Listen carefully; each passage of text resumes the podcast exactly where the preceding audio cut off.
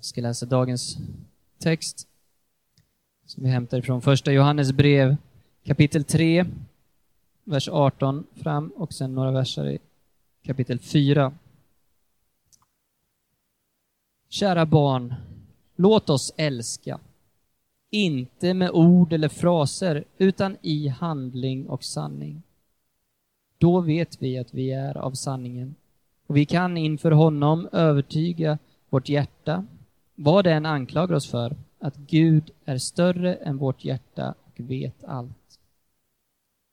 Mina älskade, om hjärtat inte anklagar oss är vi frimodiga inför Gud. Och vad vi än ber om, det får vi av honom, ty vi håller hans bud och gör det som glädjer honom. Och detta är hans bud, att vi ska tro på hans son Jesus Kristi namn och älska varandra så som han har befallt oss. Mina älskade, låt oss älska varandra, ty kärleken är av Gud och var och en som älskar är född av Gud och känner Gud. Den som inte älskar har inte lärt känna Gud, ty Gud är kärlek. Så uppenbarades Guds kärlek till oss.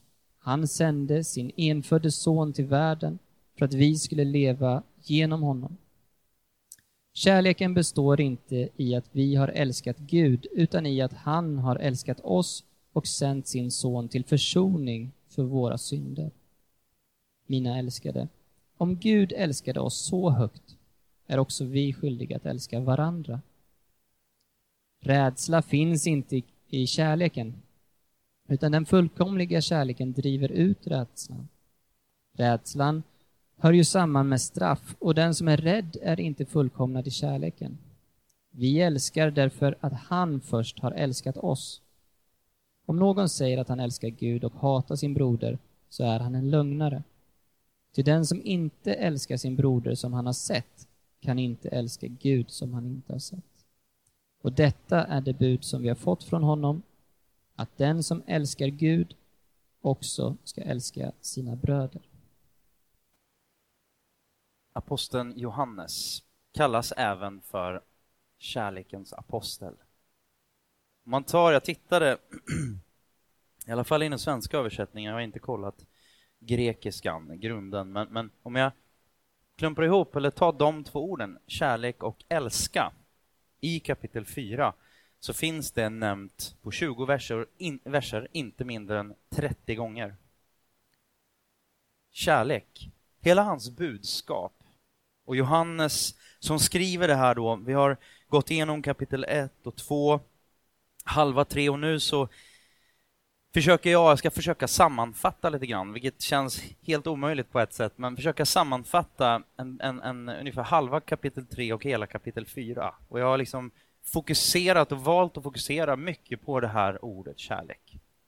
Hela Johannes beskrivning och hela hans budskap, det är ju ganska banalt egentligen. Eller, förlåt, fel. Inte banalt, men väldigt enkelt. Han pratar om någonting som är så enkelt, men samtidigt så svårt att leva i. Så utmanande att höra. Och eh, det är ju det här ordet kärlek, som allt ifrån när man tänker på det får lite så man får lite, kanske lite varm känsla i kroppen. Någon kanske tänker på eh, någon som man älskar väldigt mycket eller en, en, en, en film som man har sett nyligen eller som framkallade någonting eller vad det nu är för någonting. Det blir gärna mycket känslor och, och mycket rosaskimrande och i sig så behöver inte det vara fel men vi ska titta på lite olika saker. Men innan vi går för mycket in i det så tänkte jag bara så här, alltså kärlek. Barn är ju duktiga på det här med, med kärlek. Eh, beskriver kärlek och, och, det är så här när man tar något från internet så vet man inte om det är fabricerat eller inte. Men vi, vi, vi hoppas att det inte är det, utan det här är Emelie, fem år. Kärlek är när man vill pussas hela tiden. När man sen tröttnar på att pussas, då vill man fortfarande vara ihop och då pratar man mer. Så man, ja. Bobby, sju år. Kärlek är nog det som finns i luften på julafton. Man märker av det om man tar en paus i julklappsöppnandet. Billy, fyra år. Jag tänker att han är lika gammal som Ville. Undrar vad Ville skulle svara. Om någon eh, min min och Lindas son då. Om någon älskar dig, märker du det när de säger ditt namn? Mm. Och så säger det låter liksom annorlunda. Nicka, sex år. Vill du bli bra på att älska ska du börja öva på någon du tycker jätteilla om. Ja, visst också. Kristoffer, sju år. Kärleken när pappa är smutsig och svettig och mamma ändå säger att han är snyggast i världen. Stefan, fem år. Man ska inte säga att man älskar någon om man inte menar det. Fast menar man det ska man säga det ofta, annars kanske personen glömmer bort det. Peter, åtta år. När man är kär är det svårt att tänka i huvudet. Vilken film tycker du beskriver kärlek allra bäst? Det finns ju hur mycket filmer som helst, naturligtvis. Någon pratade på jobbet om den här filmen En oväntad vänskap. Den fransk-amerikanska eller fransk-brittiska eller vad den är för någonting. Eller helt fransk, jag vet inte. Film. Intressant bara två, två människor, två personer från helt olika bakgrund möts och hittar en vänskapsrelation och, och kärlek växer fram. Linda och jag såg en, en film, det var många år sedan, men den heter PS I Love You. Som handlar om, eh, ja, någonting bra. Eh, I Illustrerad vetenskap, den här otroligt liksom, tunga eh, tidskriften som, som alltid naturligtvis har rätt. Det var ironi. Men i alla fall så, så var det ändå intressant. Det finns en del eh, kul att läsa där. Sådär. Det var några år sedan, då skriver en, en forskare, hjärnforskare, Jörn Madsen, och de har kommit fram då till att förälskelse är psykos och kärlek är förnuft. Intressant. De skriver så här. Forskarna har nu dokumenterat att stormande förälskelse och djup varaktig kärlek är två helt skilda saker. Det har nämligen visat sig att känslorna bakom de båda tillstånden uppkommer till och med på olika ställen i hjärnan och styrs av olika hormoner i kroppen.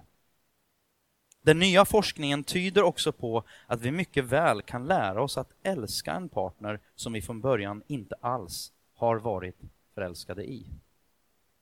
Det är intressant. Bibeln pratar till och med lär er älska.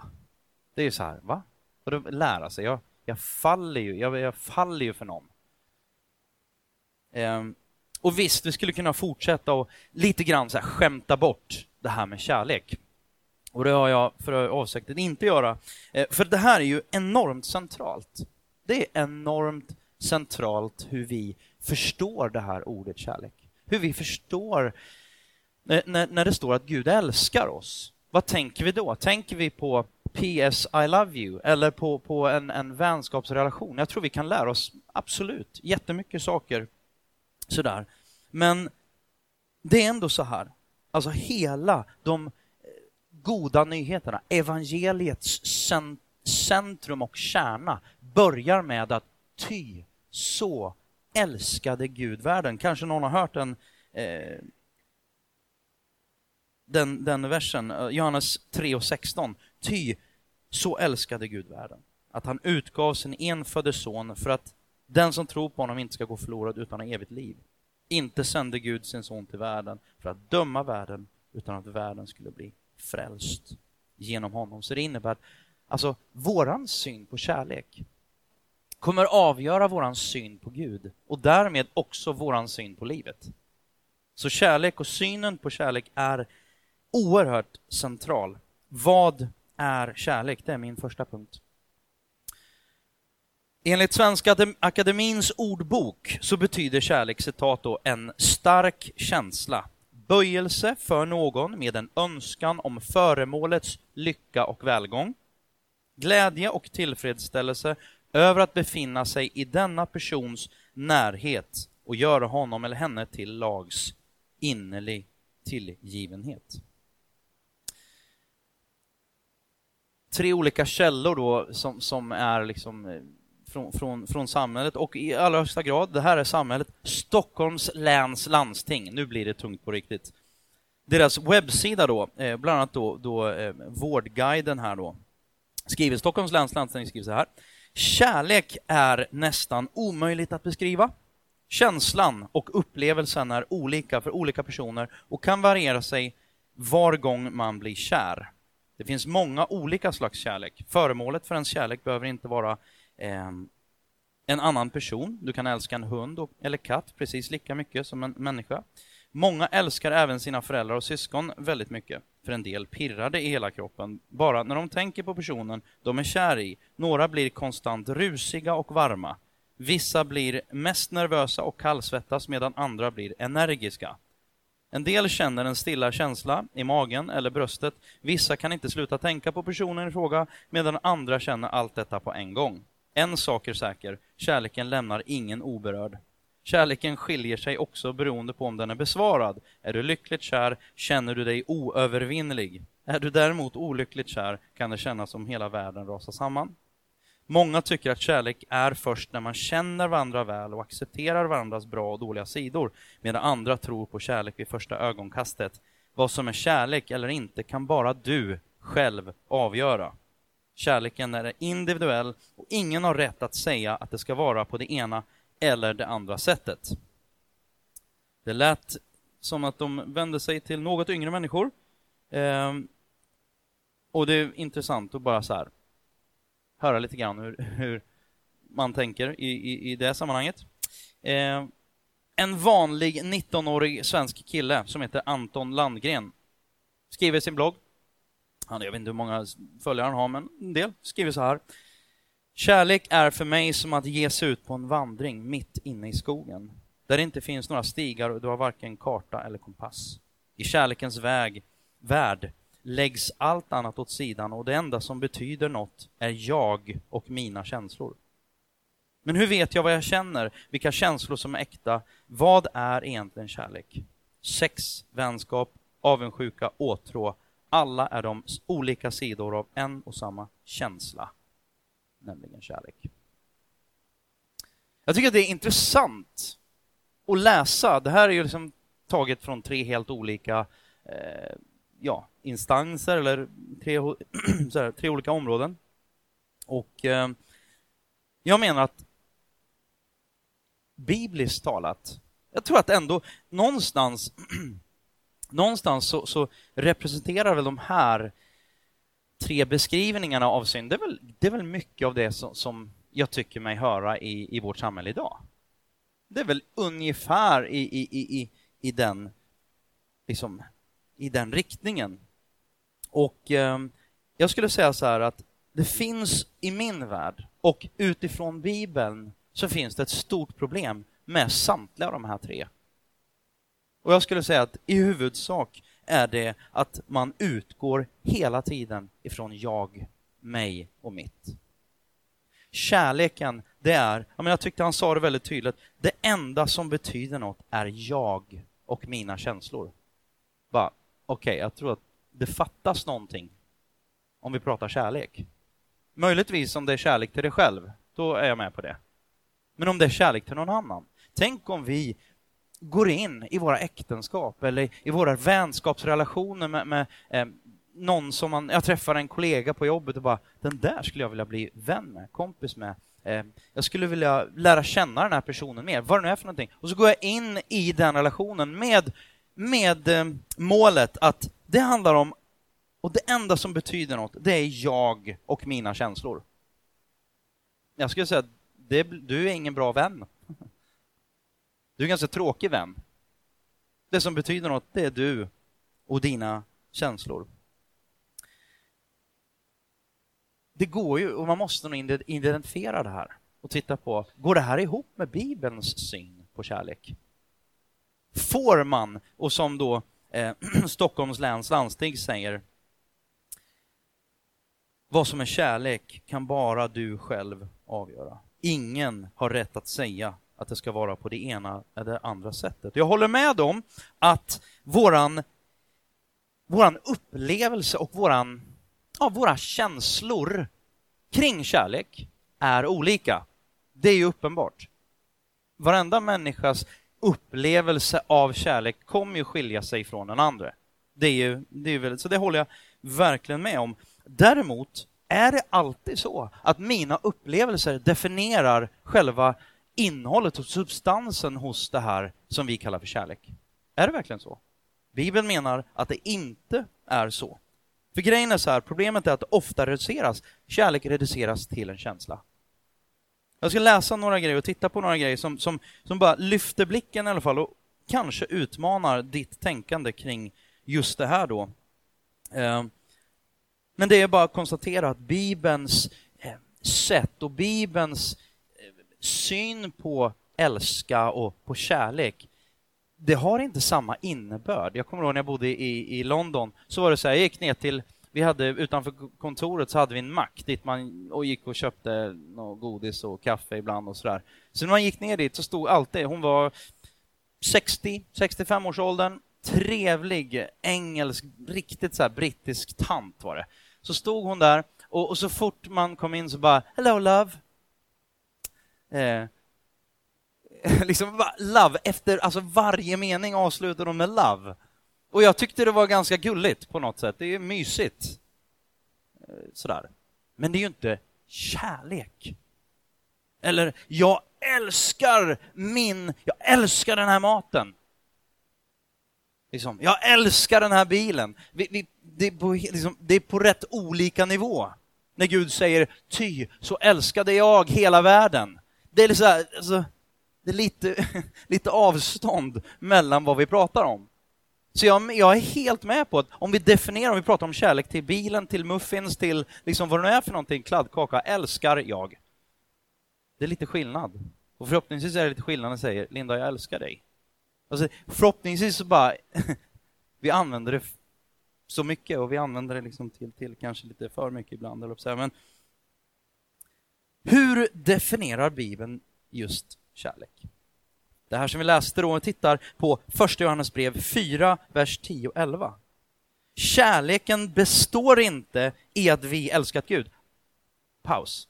Kärleken definieras inte i våran upplevelse, i det att vi har gjort någonting. Fortsätter. Utan den, jag lägger till då, definieras i det att han älskat oss och sänt sin son till försoning för våra synder. Mina älskade, om Gud älskade oss så högt, är också vi skyldiga att älska varandra. Jag ska återkomma till det där, just det där med skyldighet. Det är ju intressant när man pratar om kärlek och hur han faktiskt använder det här som en han, han, är befallande i sin ton. Han är kärleksfull, Johannes, det håller ni med om? Alltså han, han, han är som en far, den här gamle mannen som förmodligen är någonstans 80, 85, 90 år, som säger mina älskade barn. Han, han, han är gammal, liksom, han, han, är den enda överlevande av Jesu tolv lärjungar och han, han känner ett stort ansvar för församlingen och bara älskar, han vill omfamna alla och kanske ibland ruska om. Bara, Förstår du, mina älskade, du måste en kärlek. Paulus, en annan apostel som har skrivit väldigt mycket av breven i, i Nya Testamentet. Han, han har skrivit första Korintierbrevet och du kanske varit på någon, eller ett par, eller många vigslar där man har läst just det här, där han på något sätt definierar och pratar lite mer om innehållet i kärlek. Och lyssna på det här jämfört med Antons beskrivning där det handlar om mig och mina känslor och, och liksom, det är bara jag mot världen. Här är en liten annan take på kärlek. Kärleken är tålmodig, god och hänsynsfull, aldrig misstänksam eller avundsjuk, aldrig skrytsam eller stolt och aldrig överlägsen, självisk eller fräck. Kärleken kräver inte att få sin egen vilja fram. Ouch. Den är inte irriterad över andra. Inte lättretad. Den lägger knappast märke till när andra handlar fel. Den är aldrig glad över orättvisan, men gläder sig när sanningen segrar. Kärleken är trogen vad det än kostar. Den förväntar sig alltid det bästa, hoppas i det längsta och är beredd att uthärda allt. Alla de andliga gåvor som Gud ger kommer en dag ta slut, men kärleken lever vidare i evighet. Det är ju fantastiskt och, och jag hade ju naturligtvis betalt Linus för att han skulle säga de där sakerna om mig. Nej, men det är ju fantastiskt att höra. Eh, Ja, men man, man har ju följts åt och, och eh, ja, men jag älskar dig på riktigt. Men samtidigt så sitter jag och tänker jag bara, det där, tänk om folk visste mina innersta tankar ibland. Jag är ju ett svin. Och jag känner ju bara sen jag läser det här, det här är ju bara, nej, jag är ju inte fylld med kärlek. Inte utifrån den här definitionen, mer utifrån Antons definition, där det handlar om jag, mig och mitt. Det, det är liksom lite mer bekvämt. Glad, aldrig glad över orättvisa. Ibland kan jag bara, yes, de förlorar, vi vann. Uff. Eller inte irriterad, inte lättretad.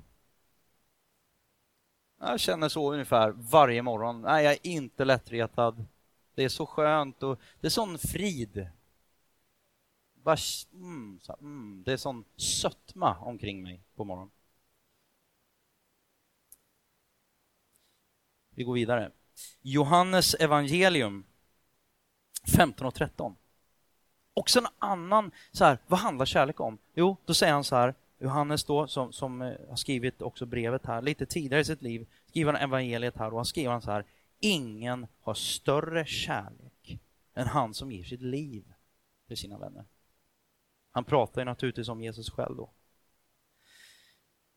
Jag tyckte det här var väldigt bra. Birger Gerhardsson som är teologiprofessor vid Lunds universitet, eh, eller han var det, eh, han dog 2013, men han skriver så här i sin bok Med hela ditt hjärta.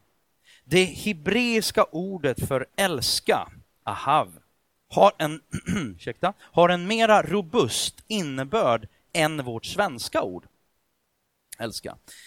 Det syftar på en hållning och ett förhållningssätt mer än på en känsla.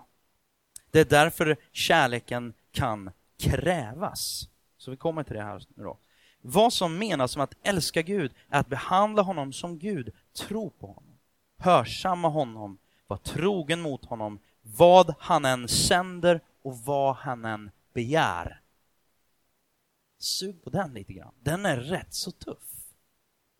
Men om, om man tittar på det här då, alltså den stora skillnaden är inte han säger det är en mer robust innebörd än vårt svenska ord. Den syftar mer på en hållning, ett förhållningssätt, mer än på en känsla. Känslor, det vet vi, de går upp och känslor, de går ner.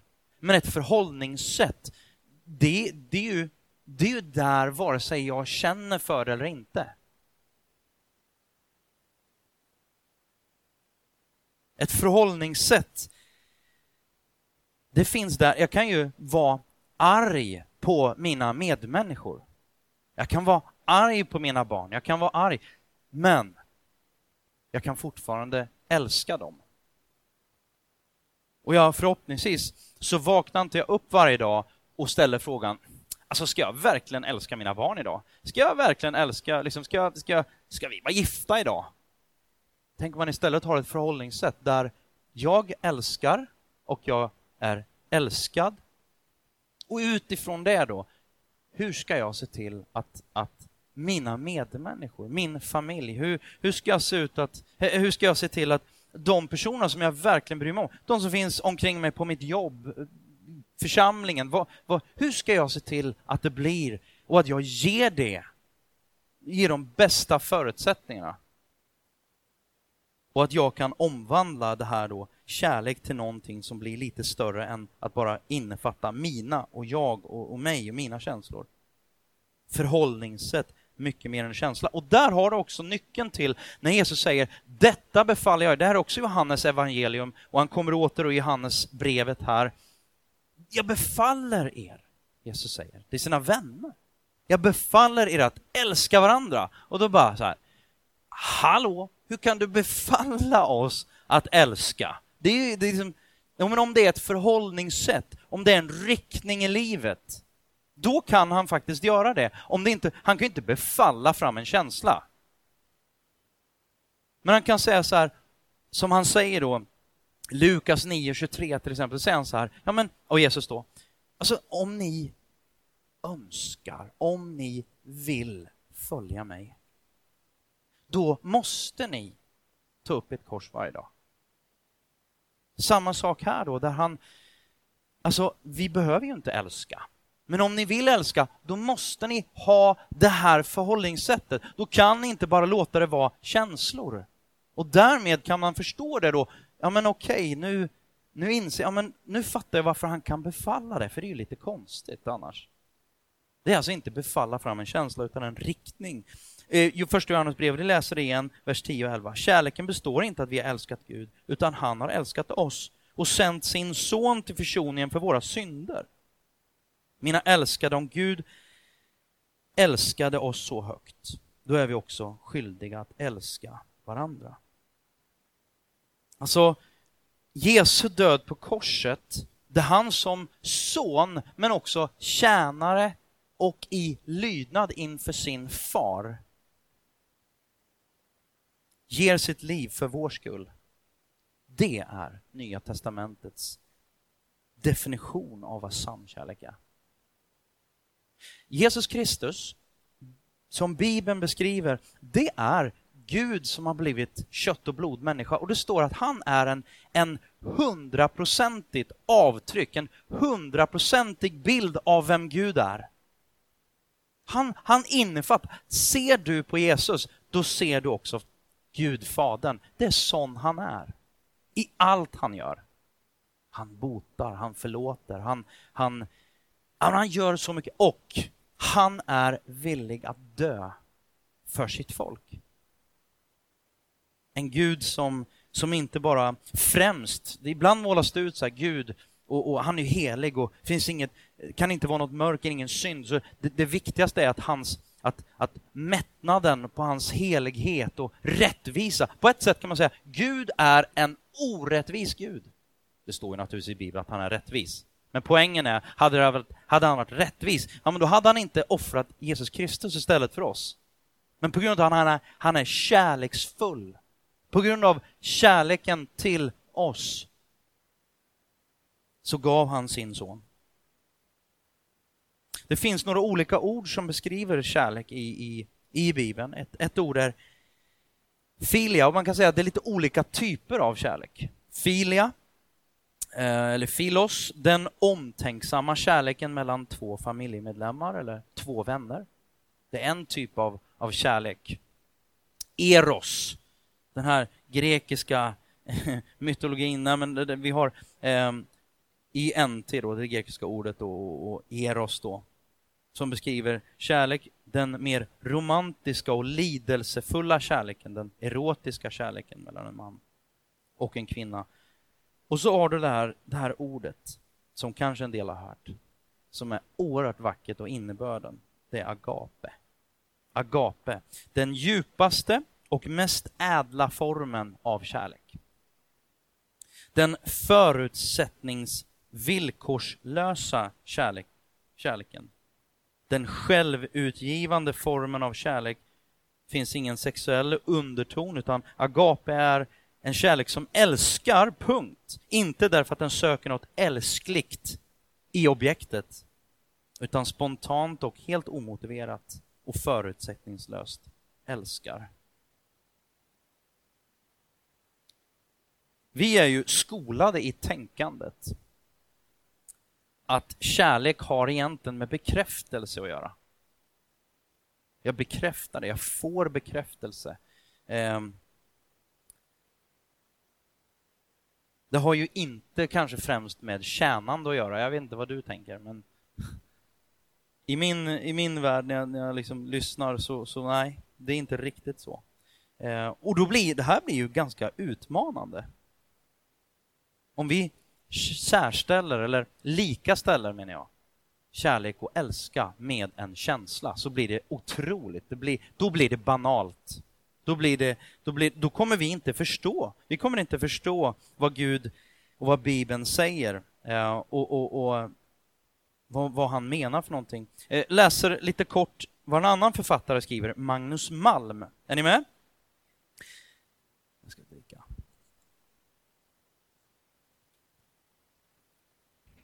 Vi kan inte utan vidare tala om att älska och förutsätta att vi förstår vad det betyder. Vi är så grundligt infekterade av samhällets syn på kärlek att vi ofta befinner oss väldigt långt och mycket långt från det Gud menar. När man kan använda ordet älska om en bil eller en semla som synonymt med samlag och häftig förälskelse, då är det inte konstigt att även, eh, även kristna människor blir förvirrade inför vad det hela handlar om. Ordet har ju förvrängts 180 grader från den ursprungliga betydelsen att ge sitt liv för någon till den känsla som uppstår när något tillfredsställer det egna livet. Det är en intressant analys. Eh, och dessutom, skulle jag säga, om vi tittar på, på Gud, om vi tittar på den upplevelse vi har av kärlek så blir det inte sällan sådär, alltså vi tänker på ord som tolerans och, och, och så går man, och det är självklart, den, det måste vara en del av det och, och Gud, inte minst, det här med att kompromissa på ett sätt. Han valde att stiga ner i vår, i vår värld. Från, från himlen och, och, och Gud blir människa.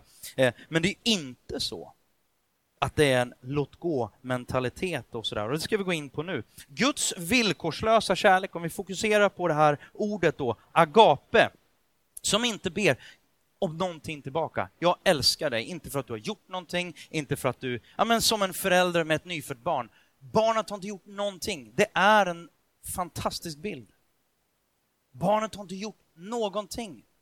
När du kom ut ur din mammas liksom, underliv, höll jag på att säga, moderliv säger man kanske, lite fräschare. Eh, så hade du inte gjort någonting för att förtjäna hennes kärlek. Eller dina föräldrar. Du hade inte gjort någonting, men tillika så var dina föräldrar upp över öronen. Förhoppningsvis. Tyvärr vet jag att det, det vi läste om eh, vart det nu var i världen där det är, alltså det är tusentals och tusentals barn som bara lämnas på soptippar, i, på toaletter och det är ju fruktansvärt. Men ett barn som är älskat har ju inte gjort någonting för att bli älskad. Det här har många av er hört när man pratar om kärlek. Problemet är att det, det är precis som att det går inte in. Det blir bara ping and fluffy. Vi tänker det finns alltid en hake. Det finns alltid, jag måste ju förtjäna. För det är så vi har blivit uppväxta. Men grejen är så agape-kärlek, det är inte en mänsklig kärlek. Utan det är en gudomlig kärlek. För det finns ingenting i objektet, alltså du och jag, som kan förändra hans kärlek. Det är något oerhört stort och det är en grund till att förstå resten, förstå evangelium. Gud är, han är kärlek. Han inte bara har kärlek till dig och mig, utan han är kärlek. Det är grunden för allt. Så först har vi då, om vi tittar på två sidor av Guds kärleksmynt. Två sidor. Det första är Guds barmhärtighet, Guds älskande kärlek. Det är ju båda, men, men just Guds barmhärtiga kärlek. Och jag, det är ju helt fantastiskt att läsa om Guds barmhärtighet. Andra Samuelsboken 24, då, då pratar de och, och står det då om, om David, då, kung David, David och Goliat, ni vet.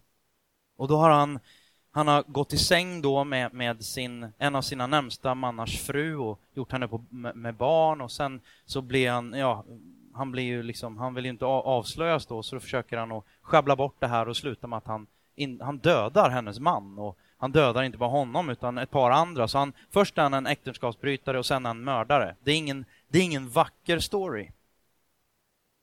Och så blir han konfronterad av en profet och som kommer och säger bara vad sysslar du med?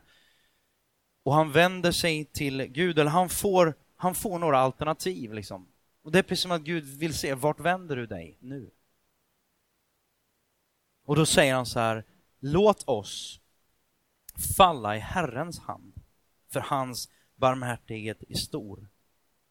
I människors hand vill jag inte falla.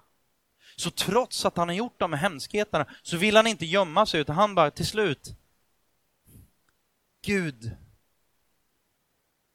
jag vill komma tillbaka till dig. Han har förstått någonting om Guds barmhärtighet, Guds kärlek. Jag ska återkomma till just David där och den här situationen. Matteus evangelium kapitel 11, vers 8. Jesus säger då, kom till mig. Kom till mig. Alla ni som arbetar, alla ni som kämpar och bär på tunga bördor, så ska jag ge er vila. Det är ingen Gud som står med piskan och väntar på att du ska fallera och göra fel och, och, och sätta dit dig. Det är inte den bilden jag får. Jag läser en annan väldigt känd skrift, psalm 23, också av David då. Herren är min herde, mig skall intet fattas. Han låter mig vila på gröna ängar. Han för mig till vatten där jag finner ro. Han vederkvicker min själ, han leder mig på rätta vägar för sitt namns skull. Om jag än vandrar i dödsskuggans dal, då fruktar jag inte ett ont. Ty du är med mig, din käpp och stav tröstar mig. Du dukar för mig ett bord i mina ovänners åsyn, du smörjer mitt huvud med olja och låter min bägare flöda över. Idel godhet och nåd ska följa mig alla mina livsdagar och jag ska bo i Herrens hus evinnerligen. Idel godhet och nåd. Nåd behöver du och jag inte om vi inte skulle inse att vi gör en massa fel, eller hur? Nåd behöver ju du och jag när vi gör fel. Guds nåd och hans barmhärtighet ges också. Vi läser, vi ska inte gå in mer på det nu, men det ges åt, åt, åt de mest osannolika personerna i, i skriften hela tiden. Vi tittar på Jesus, vem hänger han med? Jo, han hänger med horor, tjuvar, alltså maffian. Det, det är verkligen man tänker kanske inte att ja, men han är verkligen den, det är Guds son. En helig man. Han får sån oerhörd kritik från de religiösa ledarna. Från sådana som mig. Han får sån oerhörd kritik därför att han ser på kärlek med helt andra ögon. Definitionen av kärlek är avgörande menar jag. Och så går man vidare då. David, han är också den som skriver och säger det här då, när han, han, efter att han säger de här orden, låt mig falla i Herrens hand, för hans barmhärtighet är stor, människors hand vill jag inte falla, så skriver han psalm 51. Jag ska läsa några verser där från psalm 51. Gud, var mig nådig enligt din godhet utplåna mina överträdelser enligt din stora barmhärtighet. Två mig ren från min missgärning. Reda, rena mig från min synd, ty jag känner mina överträdelser och min synd är alltid inför mig. Alltså han har, han har begått äktenskapsbrott, han har mördat och han vänder sig till Gud. Och så säger han det här i vers 6 då. Det är mot dig jag har syndat och gjort det som är ont i dina ögon. Du är rättfärdig när du talar, du är ren när du dömer. Se, i synd är jag född, och i synd blev jag till i min moders liv. Du vill ha sanning i mitt innersta, lär mig då vishet i mitt hjärtas djup. Rena mig med isop så att jag blir ren, två mig så att jag blir vitare än snö. Låt mig få höra fröjd och glädje, låt de ben du har krossat få jubla. Vänd bort ditt ansikte från mina synder, utplåna alla mina missgärningar, skapa i mig Gud ett rent hjärta och ge mig på nytt en frimodig ande. Förkasta mig inte från ditt ansikte och ta inte den heliga ande ifrån mig. Låt mig åter få jubla över din frälsning och håll mig uppe med en villig ande. Ett bibelord till innan vi går in på, på nästa bit och det är Hebreerbrevet, så Nya Testamentet kapitel 12, vers 5. Förakta inte Herrens tuktan eller tillrättavisning. Och tack, tappa inte modet när du tuktas av honom, ty den Herren tuktar eller tillrättavisar. Eh, Ty den Herren älskar, tuktar han, och han agar var son som han har kär. Vilket ger oss då nästa. Först Guds barmhärtiga kärlek och sen då Guds korrigerande kärlek. David ber till Gud i psalm 51. Herre, ta inte din heliga ande ifrån mig. Ta inte din... Liksom, jag bara vill visa att jag klarar mig inte utan dig. Varför, varför ber han, han så här? David, David måste ha sett någon... Han måste ha sett det här någonstans. Och vi vet, om vi fortsätter att läsa Bibeln, så vet du att det fanns personer som blev ska säga, förhärdade i sina hjärtan. Där de till slut bara, jag vill inte ha med dig att göra längre, Gud. Jag klarar mig utan dig. Och Gud, det står att det smärtar, men Gud till slut säger bara, du får det på ditt sätt. Jag stiger bort. En del som har läst då, vi ser att kung Saul, som var Davids företrädare, det var just det här som hände. Det började så bra. Han var så ödmjuk. Han var så... Han ville inte vara någonting i människors ögon, utan han ville känna Gud. Men så mer och mer och mer så blev det all about him. Och till slut så säger han bara, jag behöver inte dig Gud. Jag kör ändå. Och Gud säger bara, du får det som du vill. Jag stiger bort. Och det är som att Gud tar sin ande ifrån honom. Ordspråksboken 3 och 12 säger så här, Ty den Herren tuktar, den älskar, äh, ty Herren älskar tuktar han, liksom en far den son som han har kär. Guds uppfostran, en del är livrädda för det här. Vi vill bara prata om rosa, skimrande kärlek. Och när vi pratar om evangelierna, men jag tror så här, en, en kärlek som inte är på det sättet har tillräckligt mycket omsorg för att säga ifrån, för att ställa sätta villkor och bara vilja det absolut bästa. Det är ju inte verklig kärlek.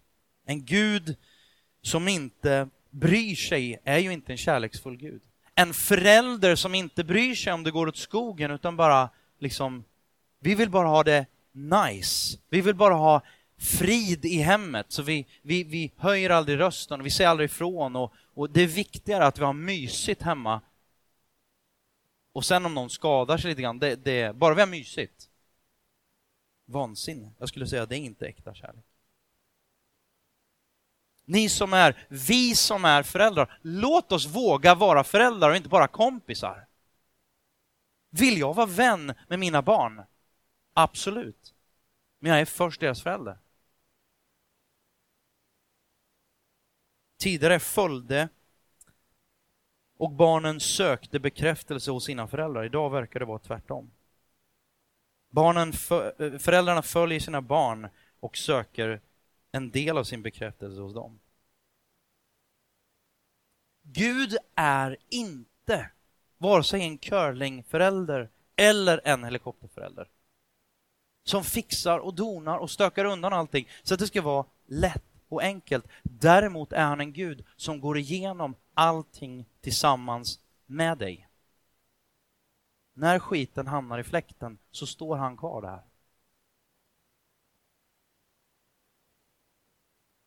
När mina föräldrar har korrigerat mig, jag är extremt glad för att de inte bara var mina buddies som alltid kliar mig liksom medhårs och tyckte som jag tyckte. Det var, jag kan gå tillbaka jag var vansinnig på mina föräldrar och jag var nog inte superenkel tonåring. Jag gjorde ingen så här megarevolt på ett sätt, men, men jag var ganska, eller inte bara väldigt självständig och tyckte jag har koll. Och jag bara, all heder åt mina föräldrar. Men jag är väldigt glad. Kommer ihåg flera tillfällen, med ett tillfälle jag var typ 15 år och eh, jag betedde mig som ett svin. Jag, jag, jag, jag sa en massa saker. Jag, jag, dissade, speciellt min mor. Bara dissa henne rakt av. Hon lagar mat och det, det är liksom så här, Det var allt. Det, rent mentalt just då, det var nog inte jättemycket mer jag brydde mig om. Förväntade mig rätt mycket av henne inga förväntningar på mig själv. Och vid något tillfälle har jag sagt någonting och, och eh, mina föräldrar har aldrig slått mig. Men det är ett tillfälle då min far tog tag i min arm ganska hårt och bara, nu går du och jag upp på ditt rum. Så vi gick upp på mitt rum och då var det bara så här, nu är inte läge att vara en, en, en, en och, och, och liksom mopsa upp sig. Det är en dålig idé. Men jag stålsatte mig och liksom tyckte, men han, han började inte skrika, han började inte hålla på och fixa, dona, greja, utan han bara ganska tydligt förklarade för mig läget. Och det var ju väldigt jobbigt att behöva inse att jag har skitit i det blå skåpet. Jag behöver gå ner och bara, det här slutar inte förrän du går ner och ber din mamma om förlåtelse för vad du har gjort och du har sagt. Och det var ju bara att göra det. Och jag var nog rätt så purken på ett sätt. Men efteråt så bara, det kändes rätt så bra där. Till och med känslan kunde till slut då infinna sig. Märkligt. att känna sig då. Uppleva, förstå. Om jag förstår att jag är djupt älskad, då kan jag också ta en korrigering och matcha de här två. Var djupt älskad och korrigerad på samma gång. Det är kanske är lite märklig känsla, men det är nog väldigt fantastisk känsla. Men någonstans är det väl också så att det kräver ju det kräver ju faktiskt att du inte bara ser dig själv som du har svaret på alla frågor. Det finns ingen, som landstinget sa, låt ingen säga till dig någonting, du har svaret på alla frågorna. Bara sök lite djupare in i dig själv. Hade jag gjort det, eller gör det nu, jag menar, det blir ju helt skevt. Jag jobbar på, på ett företag där vi hjälper chefer att inte titta djupare ner i sig själva, utan få en omvärldsanalys genom att sitta ner med andra kompetenta chefer. För att alla, hur framåtlutad du än är, så har du inte pejl och du har inte svar på alla frågorna. Och du behöver ett utifrån perspektiv. Annars kommer du köra ditt företag i diket. Är du med? Om företagsvärlden fattar det, så kanske vi också behöver fatta det i våra egna liv. Från lite annat håll. Jag ska avsluta med det där. Och Guds, det här ordet då, som, som det här ordet, Guds fruktan. Guds fruktan. Jag tänker så här, vi ska ha Guds fruktan. Jag ska förklara alldeles strax, men Guds fruktan, men vi ska inte frukta för Gud. Vi ska inte vara rädda, vi ska inte fasa för Gud. Första Petrus, en annan av apostlarna, Petrus brev, första Petrus brev kapitel 2, vers 17. Då står det så här, visa aktning för alla. Respektera alla. Respektera människor omkring dig. Älska bröderna och systrarna, älska församlingen är det vad han säger. Och sen frukta Gud och vörda kejsaren så här i valtider. Så regeringen. Frukta Gud, men fasa inte för honom. Gud är inte din curlingförälder. Gud är inte din och min tomte som, som, som bara vi önskar oss något och så dyker han upp. Utan om det är så som Bibeln säger att det är, då är Gud vår himmelske far han älskar dig vad du än gör, hur du lyckas eller misslyckas. Men ibland kommer han ta dig i armen och säga nu behöver vi prata. Ibland är det när vi läser Bibeln och bara så här, ungefär som när vi läste det här liksom från, från eh, Korinthierbrevet. Det här om kärlek och så bara, oh, det här är utmanande. Jag vill ju. Och det är det som är, nu, nu liksom knyter jag ihop påsen. För det är det som är hela grejen med varför kärlek är så centralt. Jo, därför att det handlar inte om att du måste följa lagar, regler, allt det där. Det handlar om att du kommer vilja, för responsen i och till kärlek är något helt annat. Jag är inte gift förhoppningsvis med Linda bara för att jag har en ring och jag måste det. Eller vi har liksom skrivit under ett, ett, ett, ett någon slags avtal. Och jag är inte trogen till Linda bara för det, förhoppningsvis, utan jag är trogen för att jag vill. Äh, fy vad jobbigt att du gifter dig, liksom. Då måste du säga nej till alla andra kvinnor i världen. Ja, men jag måste ju inte gifta mig, men om jag gör det, då innebär det också att jag vill säga nej till alla andra. Annars är det en dålig idé att gifta sig. Det centrala i kärleken är att det, det är ju en, en ära att få uppoffra sig. Det är en ära om jag verkligen älskar.